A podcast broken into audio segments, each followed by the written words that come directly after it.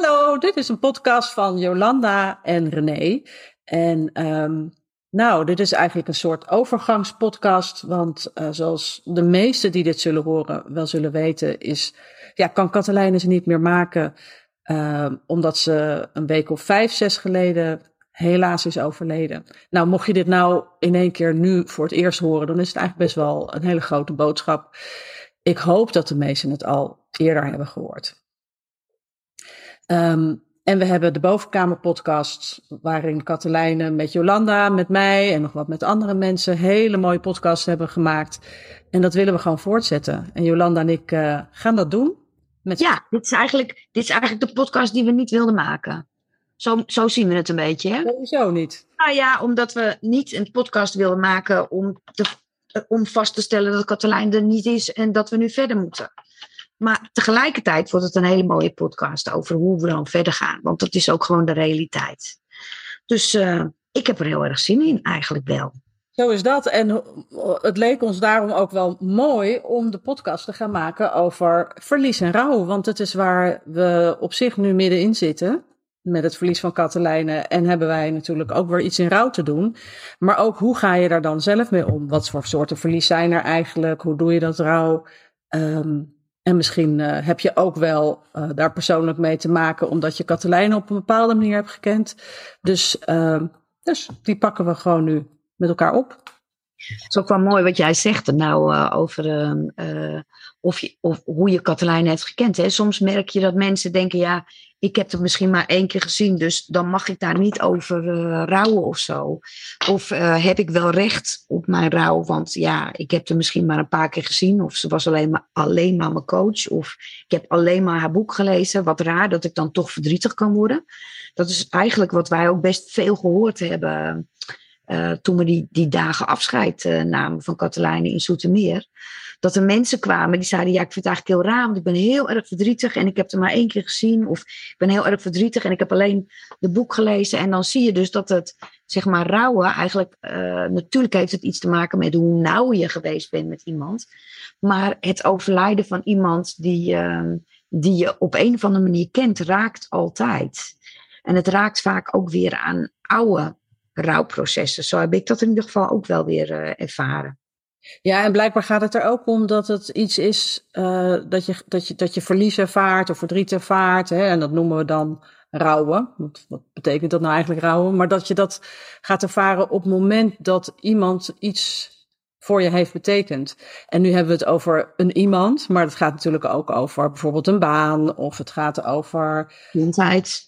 Mobiliteit. Gezondheid, uh, een vriendschap die overgaat, uh, dingen die je nooit hebt gekregen. Ja, dat kan natuurlijk ook gaan over dat je bijvoorbeeld ooit kinderen had willen krijgen en ze niet hebt gekregen. Of dat er bepaalde dingen in je jeugd zijn gebeurd die je niet, ja, die je wel anders had gewild. Dus daar gaat, het gaat allemaal over dat soort dingen. Verlies, gemis en hoe verwerk je dat, zou je kunnen zeggen. En het mooie is, ja, het mooie, nou, ik weet niet of het mooi is, maar rouw gaat eigenlijk voorbij ook ons brein, hè, wat dat betreft. Want uh, de logica zegt misschien hè, van nou, weet ik het, uh, ik heb iemand heel goed gekend, dus nu moet ik heel veel verdriet voelen. Of ik heb iemand nauwelijks gekend, dus ik moet heel weinig verdriet voelen. Maar daar is geen maat op. op een of andere manier neemt je lijf het ook over. Zo heb ik het ehm, zo heb ik het zelf ook wel ervaren. Dat, dat, je kan je met je hoofd wel zeggen van nou, het is nu even niet handig. Of ik kan met mijn hoofd soms zeggen hè, van nou, ik ben op dit moment gaat het goed. En dan ineens overvalt het je weer.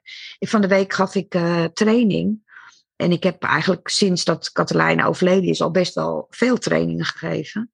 En ik kon de mee, bij de meeste trainingen kon ik het redelijk uh, vertellen. En dan bedoel ik redelijk vertellen in dat ik niet heel erg moest huilen. En, uh, en uh, maandag schiet ik ineens weer helemaal vol. Ik, er is, dat, het is iets wat je niet kan, altijd kan verklaren. Het is echt een, uh, het komt eigenlijk uit je lijf, zou je kunnen zeggen. Ja, en, en weet jij dan hoe dat zit, Jo, met van, van ja, want, want jij zegt van, oh ja, dat, je kan het niet helemaal sturen, dus in één keer overvalt het je, maar dat je ook wel van die momenten hebt dat er eigenlijk helemaal niks aan de hand is. Dat, dat ik denk van oké, ik leef gewoon door. Um, oh, moet ik er eigenlijk niet missen? Uh, uh, moet ik me nu niet, uh, of, of dan ga ik me bij wijze van spreken een beetje schuldig voelen dat ik er niet mis. En op het andere moment is er weer zo'n ondraaglijk gemis en verdriet en wat je inderdaad overvalt of wat mij overvalt. En dat zullen mensen wel herkennen, dat het zo van de een naar de andere kant kan pingpongen. Dus hoe, hoe zie jij dat? Ja, het is eigenlijk net uh, alsof je, ja, we noemen dat altijd alsof je op twee eilanden, uh, heen en weer peddelt tussen twee eilanden. En het ene, ene eiland is het eiland, zou je kunnen zeggen, van, van verdriet, van gemis, van rouw. Um, dat, is, dat zijn de momenten waarop je ineens, dat het ineens tot je doordringt, dat ze er niet meer zal zijn. En dat je je daar heel verdrietig over voelt. En, en dat je er mist en herinneringen hebt en, en dat soort dingen. Daar zitten ook Um, rouw vraagt ook werk. Het is ook heel vermoeiend. Um, en, en je hebt daar ook een aantal taken, daar komen we misschien straks nog wel op terug. Maar het andere eiland is het eiland van leven. Dat is het eiland van doorgaan. Hebben de, we hadden zaterdag de begrafenis, op maandag begon de eerste training weer. Dat gaat ook over, uh, dat gaat echt letterlijk over leven, maar ook over plezier. En um, het lastige is natuurlijk dat we vaak een idee hebben van dat we op een van beide eilanden een tijdje zouden moeten wonen. Maar het is eigenlijk een, een heen en weer pendelen tussen die twee. Dus het ene moment zit je in die rouw en het andere moment zit je in, in dat leven. En het, het, meest belangrijke is ook dat als je op dat leven-eiland zit, dat je je dan niet schuldig voelt over het feit dat je op dat eiland zit. Maar Eigenlijk gebeurt dat heel vaak. Dus je, je zit dan op dat leven-eiland. Je voelt je eigenlijk best wel weer oké. En tegelijkertijd ga je dan ineens schuldig voelen van... oh, maar uh, was er dan iets was heel belangrijk voor me. Hoe kan het nu dat het goed met me gaat? Nou, dat komt omdat je op het leven-eiland zit. Precies, of je zit op dat rouweiland en dat je dan het idee van... jeetje, ik zit wel heel erg op dat rouweiland. En als je haar, en we hebben het nu steeds over Katelijnen... maar, maar zie maar gewoon allerlei dingen waar je afscheid van hebt genomen. Of dat nou dus inderdaad die baan is, of een vriendschap is, of een stukje huisdier. Of een grootgezondheid, of een huisdier, uh, of een scheiding. Um, dat als je op het rouweiland zit, dat er daar weer allerlei ideeën over kunnen zijn. Van, oh, mag ik wel dit verdriet hebben? Uh, en ik, ik merk vaak dat op dat rouweiland, dat het dan ook zo raakt aan allemaal uh, oud verdriet, zou je kunnen zeggen. Dingen die misschien nog helemaal niet uh, goed verwerkt zijn. En vaak zijn dat ook, we noemen dat ook wel stapeltjes verdriet. Dus dat, dat als het ware het verdriet van het hier en nu meteen als een stapel stenen al die andere stenen ook raakt.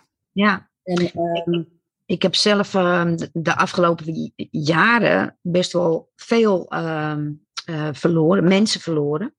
En ik, ik, ja, ik, zeg dan maar, ik zeg tegen mensen, dat klinkt misschien heel raar, maar ik merk dat ik beter word in dat proces van rouwen. Maar dat heeft er eigenlijk mee te maken dat ik met elke keer dat er rouw is, een stukje van het stapeltjesverdriet ook uh, heb kunnen verwerken. Dus uh, mijn, mijn eerste verlies is eigenlijk heel vroeg geweest. Hè? Dus dat was toen ik uh, acht jaar was. En eigenlijk hebben we daar uh, dat was nog in de tijd, ik ben een dagje ouder natuurlijk, dat was nog in de tijd waarin, uh, waarin er gedacht werd, kinderen hebben hier geen last van. Die hebben geen last van het feit dat hun ouder overlijdt, want kijk, ze gaan gewoon verder. Dus bij ons is er nooit aandacht besteed aan, aan het rouwen van ons als kind over een, over een ouder, in dit geval mijn vader. En dan merk je dus dat, dat je op latere leeftijd, als je dan weer zo'n proces tegenkomt, dat je helemaal niet weet uh, hoe je dat moet doen. En ik deed het eigenlijk heel lang op dezelfde manier zoals ik dat vroeger deed. Dus deksel erop, doorgaan. Dus niks, geen verdriet, niks, geen gevoelens. We gaan gewoon door. En uh, ik heb de afgelopen, nou, ik denk dat ik zeker de laatste 15 jaar best actief bezig geweest ben met dit onderwerp. Ook door de omstandigheden, maar ook omdat ik merkte dat ik heel veel stapeltjes verdriet had, wat ik eigenlijk wilde opruimen. Dat ik nu merkte, oh wacht even, nu staat mijn verdriet in verhouding. En, en er komt niet een heleboel oude benden er nog bij. En ik durf ook gewoon gevoelens toe te laten. En dat is wel, nou dat is niet helemaal nieuw, maar dat is wel relatief nieuw voor me. En dat, en dat klinkt zo makkelijk, hè? Van, want soms zeggen mensen wel eens tegen andere mensen die dan in rouw zijn of een, of een groot verlies hebben: van ja, je, je moet wel het verdriet toelaten. Je mag huilen. Je mag huilen, maar dat is dus eigenlijk best heel ingewikkeld. Als je bijvoorbeeld want wat de manier waarop je in het hier en nu rouwt, is vaak in hoe je het geleerd hebt ooit. Hoe jouw ouders bijvoorbeeld met verdriet zijn omgegaan, met dingen die ze uh, zijn gaan missen. Of, of überhaupt hoe er met de emoties werd omgegaan. Hè. Ik, ik ken bijvoorbeeld dat bij ons thuis ging het uiteindelijk allemaal om de emoties van mijn moeder. Hmm. Daar draaide het hele systeem, het hele gezin omheen. Uh, daar was mijn vader mee bezig om dat uh, te, te handelen. En wij als de drie dochters gingen daar ook mee bezig om dat te handelen. Dus het ging in ieder geval nooit over ons verdriet. Dus zodra er iets van verdriet of pijn of wat dan ook was, dan ja, heb ik ontzettend goed geleerd om dat heel vakkundig in een uh, boxje te stoppen en heel diep weg te stoppen. En ik herken ook wat jij zegt, Jo, van uh, steeds verder geleerd te hebben in, in, in rouwen. En daar heeft ook wel persoonlijke ontwikkeling ontzettend, merk ik bij mezelf, in geholpen. In hoe meer ik mezelf ben gaan leren kennen, hoe meer ik mijn eigen gekke overlevingsstrategieën met emoties ben gaan leren kennen. Um, hè, ik, ik zeg wel eens van, oh ja, dat, dat kennen mensen, de meeste mensen wel van mij. Ik ben stoer, sterk en dapper ja, dan is het best ingewikkeld als iemand tegen je zegt van ja, het is ook belangrijk om te rouwen en verdriet te voelen. Ja, maar hoe dan? Hmm. En dan is het wel mooi wat jij zegt van dan, dan, dan doet jouw lijf het gewoon op een bepaalde manier. En wil je dat veranderen, dan kan je niet met je hoofd zeggen, doe het even anders. Dan heb je, kan niet zeggen, nou, je mag nu wel huilen. Mag je tegen jezelf zeggen, maar dat helpt niet. Nee. Ja. Maar along the way met al die ontwikkeling die ik gedaan heb, merk ik ook van dat ik nu ja, een soort van beter kan rouwen. Hmm. Wat is dan beter? Dat is misschien wel gewoon het volgen van waar ik zit op die eilanden. Um, en dat ondanks dat er wel nog gedachten komen, dat ik toch weer mezelf toesta om op een bepaald eiland te zitten en te laten zijn wat er is. Ja, precies. En ik, ik, ik merk aan mezelf dat ik, dat ik uh, zeg maar, toen ik ben ooit zelfs aan persoonlijke ontwikkeling begonnen, omdat ik uh, ja, wat ik eigenlijk naar aanleiding van de begrafenis, dat is wel interessant, omdat ik, ik, ik was bij een begrafenis van iemand die ik heel erg lief had en, die, uh, en ik kon niet huilen. Ik zat daar als een soort uh, stenen pop en ik dacht, ja, ik, ik noem het altijd een flatliner, hè? ik was gewoon een flatliner. Dus het is voor mij ook het begin geweest van te zeggen van nou weet je, hier klopt iets niet. En, ehm, en, en dan nu de afgelopen weken, natuurlijk is het niet altijd uh, fijn. Maar het is tegelijkertijd wel mooi om te ontdekken dat als je zo'n proces uh, wel aandurft te gaan, als je werkelijk alles durft te voelen wat er is, um, dat, er dan, dat je daar dan doorheen komt. Uh, ja, in plaats van dat je opstapelt. Ja, en dat is ook niet altijd zomaar van, hè, dus de durf te voelen. Het, het, het, wordt ook wel eens genoemd zo dat landschap van rouw, dat, je, dat iedereen dat ook weer zo anders doet. Ja, ja, dat is ook heel belangrijk. Dat je het allemaal anders doet. En dat je elkaar dus ook niet kan aanspreken op de manier waarop je dat doet. Hmm. Dat, dat, merk je nog wel eens als mensen bijvoorbeeld als partners uh, te maken krijgen met een gezamenlijk verlies. Um, dat, dat dat nog wel eens een ding kan zijn. Dat de een dat heel anders doet dan de ander. Um, het, is ook, het is ook mooi, je, je, zou kunnen zeggen, gegeneraliseerd is er ook een beetje een verschil tussen hoe mannen en vrouwen dit doen. Dus, dus eh, mannen die hebben een beetje meer de neiging om in de actie te gaan. Die, die, die gaan snel naar het leven-eiland. En die, die verwerken het ook door in actie te komen. Terwijl vrouwen verwerken het meer door met elkaar erover te praten. dus wij hebben bijvoorbeeld binnen, binnen onze club best wel veel met elkaar er ook over gesproken. Maar het zijn ook vooral vrouwen die dat uh, dan doen. Het is gegeneraliseerd. Natuurlijk zijn er ook mannen die daar heel veel baat bij hebben. Maar uh, je merkt dus dat daar ook verschillen in zijn. Dus als je met een partner kan het best zijn dat je qua snelheid anders loopt, maar ook qua aanpak heel anders loopt. Ja, of, of wanneer iets over zou zijn. Wanneer is het dan verwerkt? Dat vind ik ook zo'n interessant stuk. Hè? Mijn, uh, dat weet je, mijn zus die heeft, denk ik, inmiddels 6,5 jaar geleden haar man verloren. En uh, dan dat stuk van dat, dat, dat, dat zij na een jaar iemand tegenkomt en dan zo die cliché heeft van, nou, hè, nu is dat eerste jaar geweest, hè, nu zal het wel rustiger zijn. Maar zij ontdekte juist dat het alleen maar steeds erger en erger en erger werd, omdat ze het blijkbaar ook stapje voor stapje steeds meer kon toelaten. Van dat wat ja. het begin nog helemaal niet kon voelen, dat kwam juist uh, in de jaren. Ja, maar, en het is ook mooi, en dat, dat is natuurlijk bij jouw zus ook zo, dat die twee dingen dus heel goed hand in hand kunnen gaan. Dus dat je en kan rouwen over de partner die je verloren hebt, en je kan verbinden met een nieuwe partner. En dat die twee dingen ook naast elkaar kunnen bestaan. Dat, daar bestaat ook nog wel eens wat, uh, wat misvatting over, of overtuiging over, zou je kunnen zeggen. Hè? Je moet een, een, een tijd alleen zijn uh, voordat je een nieuwe partner hebt, want anders is dat, zegt dat iets. Weet je wat een onzin allemaal? We hebben allemaal zulke verschrikkelijke overtuigingen over dit uh, hele gebeuren. En het is ook wel eens goed om je daar ook, hè, als je in je eigen leven te maken hebt uh, met rouw, op wat manier dan ook, om je daar ook gewoon eens in te verdiepen. In wat is nou normaal tussen aanhalingstekens? wat kom je nou tegen? het is bijvoorbeeld normaal dat je een tijdje even geen verdriet voelt, terwijl het wel is, en dat je het er dan ineens weer wel voelt. Dat is heel normaal. En als je dat weet, dan helpt dat denk ik ook wat meer om je je daaraan over te geven. En je niet de hele tijd af te vragen van klopt dit wel? Ja, waar ik nog even benieuwd naar ben, want jij zei zo mooi over jezelf. Hè? Als kind uh, uh, dacht, dacht men vroeger van nou, dan, uh, dan voelen ze het niet, want ze laten het niet zien. En mijn ervaring is, dat, dat kinderen het op zich vaak niet zo laten zien. Of in ieder geval, misschien lijkt het alsof ze wat meer op het eiland van leven blijven. Terwijl het er natuurlijk wel is. Ja, zeker. Ja, heb jij daar ideeën over? Van hoe, hoe dat dan. Uh... Ja, ik denk dat het bij kinderen ook weer anders gaat hè, dan bij volwassenen. Um, ik denk wel dat het heel belangrijk is om er aandacht aan te besteden. Maar je merkt inderdaad dat kinderen snel de neiging hebben van zullen we gewoon doorgaan. Um, um, dus je moet daar als volwassene ook gewoon aandacht aan besteden van goh, wanneer is het er dan wel. En ik kan me nog herinneren bijvoorbeeld momenten waarop ik heel erg verdrietig kon zijn. Uh, overigens herken ik heel erg het verhaal van dat het heel erg om het verdriet van mijn moeder ging. Hmm. Maar ik, er waren bijvoorbeeld hele praktische dingen. Maar ik had vroeger altijd uh, groeipijn in mijn voeten. En mijn vader was de enige die dat weg kon masseren. En, um, en toen had ik op een gegeven moment groeipijn. En toen was voor mij, op dat moment was er bij mij pas een soort besef. Van hij is er dus nooit meer. Maar dat besef van nooit meer als kind ken je dat eigenlijk nog niet zo heel erg. Omdat je nog maar zo kort op aarde bent, denk ik, uh, is dat beseffen nog niet helemaal. Dus eigenlijk dat nooit meer, dat gemis van die ouder, groeit eigenlijk naarmate je zelf ouder wordt. Want dan komen er allerlei momenten in je leven uh, waarin je ineens die ouder mist, die je misschien maar heel kort hebt meegemaakt. Uh, en ik noem maar van die, van, die, van die punt, weet je wel, examen doen. Of, uh, of een nieuwe liefde hebben. Of um, trouwen, kinderen krijgen.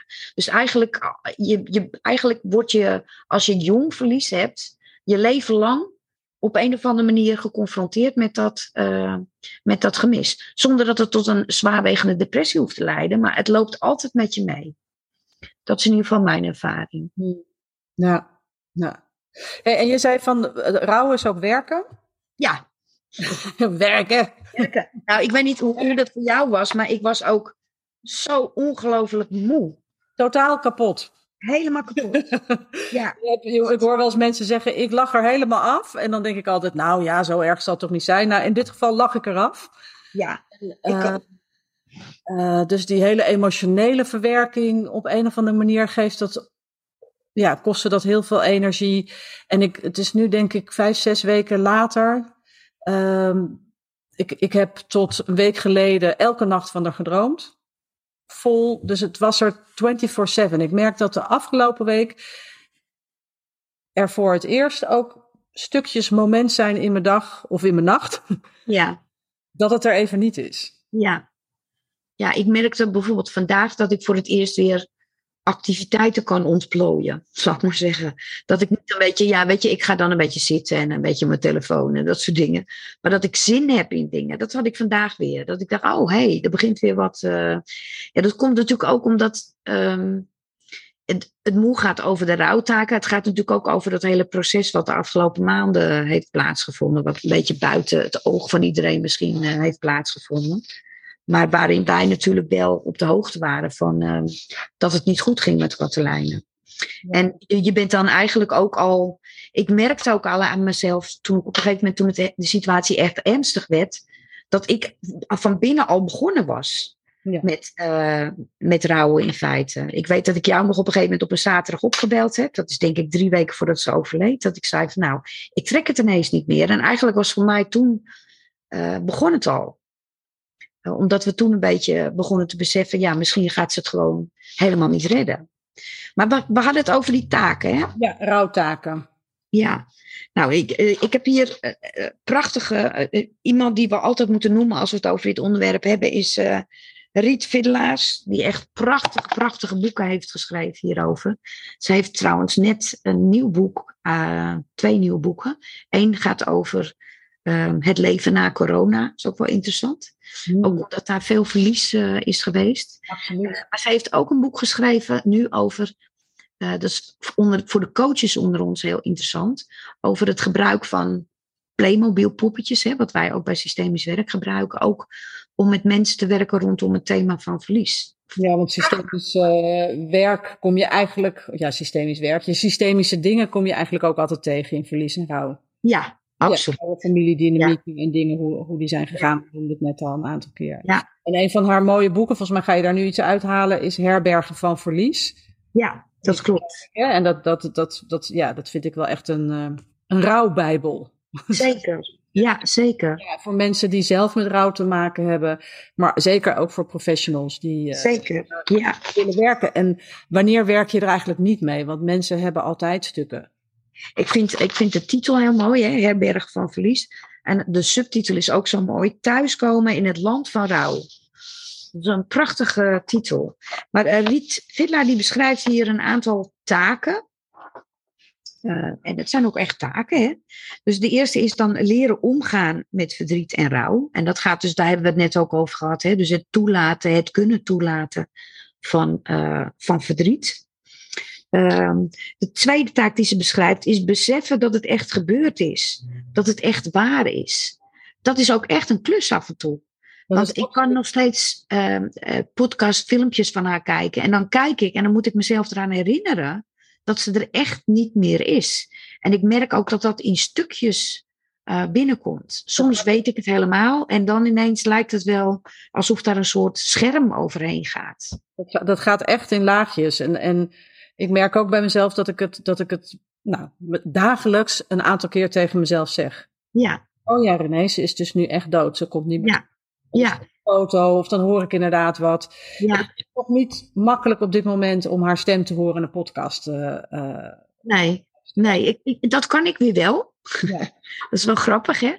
Maar ik heb het bijvoorbeeld heel erg. Uh, als ik uh, training heb gehad en ik ben. Nou, je komt soms dingen tegen in die training van jezelf. En, en, en dan belde ik haar vaak gewoon om eventjes stoom af te blazen. En dan zit ik dus in de auto en denk ja, ik kan er niet meer bellen. Weet je wel, dat zijn van die momenten dat je denkt, en ik kan er niet alleen nu niet bellen, ik kan er nooit meer bellen. En dat is dan, dan ben je echt op dit stuk. Hè? Dus dan moet ik me echt zelf me, me eraan herinneren dat dat echt gebeurd is. En het is dus ook belangrijk om dat te doen. Ja, dat is dus een van die rouwtaken. Het is dus niet. Want voor, voor ik het weet, kan ik me daar ook weer schuldig over voelen. Oh, dat is ook raar dat ik tegen mezelf. Oh, ze is niet echt dood, hè? Ja. Het is dus eigenlijk heel belangrijk in het rouwproces. Ja, zeker. Ja.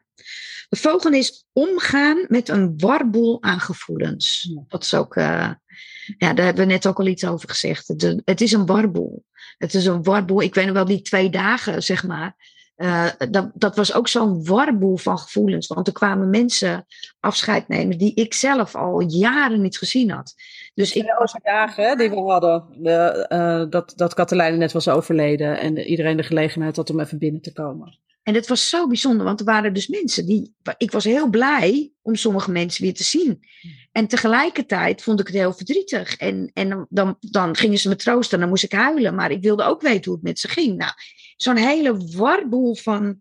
En dan hadden we ook tussendoor nog honger. Dus dan moesten we soms weer lachen om dingen. Het, een heel groot grote warboel. Dus het is in feite een, een mix, een warboel van van alles en nog wat. En, en volgens mij is dan dus de truc want we willen met ons hoofd altijd overal betekenis aan geven. En dan vinden of het goed is of dat het niet goed is wat we hebben.